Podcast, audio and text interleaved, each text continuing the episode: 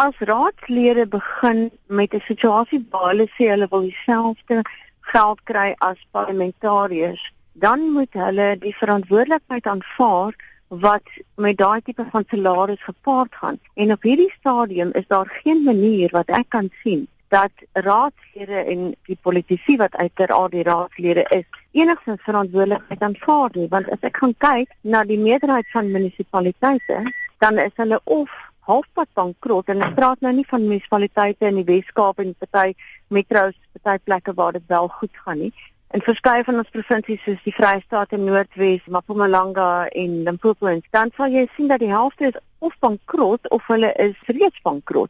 En die raadslede neem geen strategies behoorlike besluite nie hulle neem besluite wat 'n uh, politieke agenda pas en baie keer is dit 'n individuele politieke agenda nie eers 'n partytetiese agenda nie. So wat my aanbetref is dit heeltemal buite die kwessie dat hulle meer geld moet kry en dieselfde met kry as parlementariërs. Dit is ook vir my buite die kwessie dat Salga hierdie standpunt inneem want ek het gehoop dat Salga ten minste ek weet hulle verteenwoordig die raadslede maar dat Salga ten minste eers in die proses gaan begin om saam met die minister van plaaslike regering te werk en 'n nugter nugter stem in hierdie hele see van onverantwoordelikheid wat ons skade slaan met munisipaliteite ten minste verantwoordelike stem word maar ek sien dit nie. En ek is baie verontrus oor wat hier gebeur want ek het die afgelope tyd in my deel met veral amptenare hoor ek hoe die amptenare vir my sê ons gaan nooit dit regkry om plaaslike regering en munisipaliteite te professionaliseer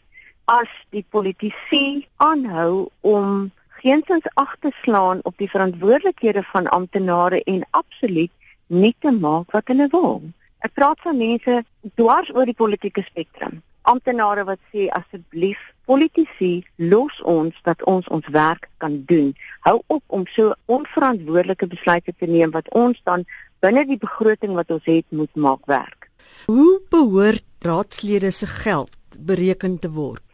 Ek aanvaar dat raadslede se geld bereken moet word op grond van die gradering van die munisipaliteit. So die minister is heeltemal korrek in hoe hy dit wil doen. Dit was nog altyd in die geskiedenis was dit ook so gewees. Maar ek dink raadslede se geld moet ook bereken word op grond van spesifieke prestasiemeting.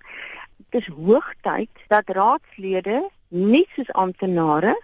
'n prestasiemetingstelsel moet hê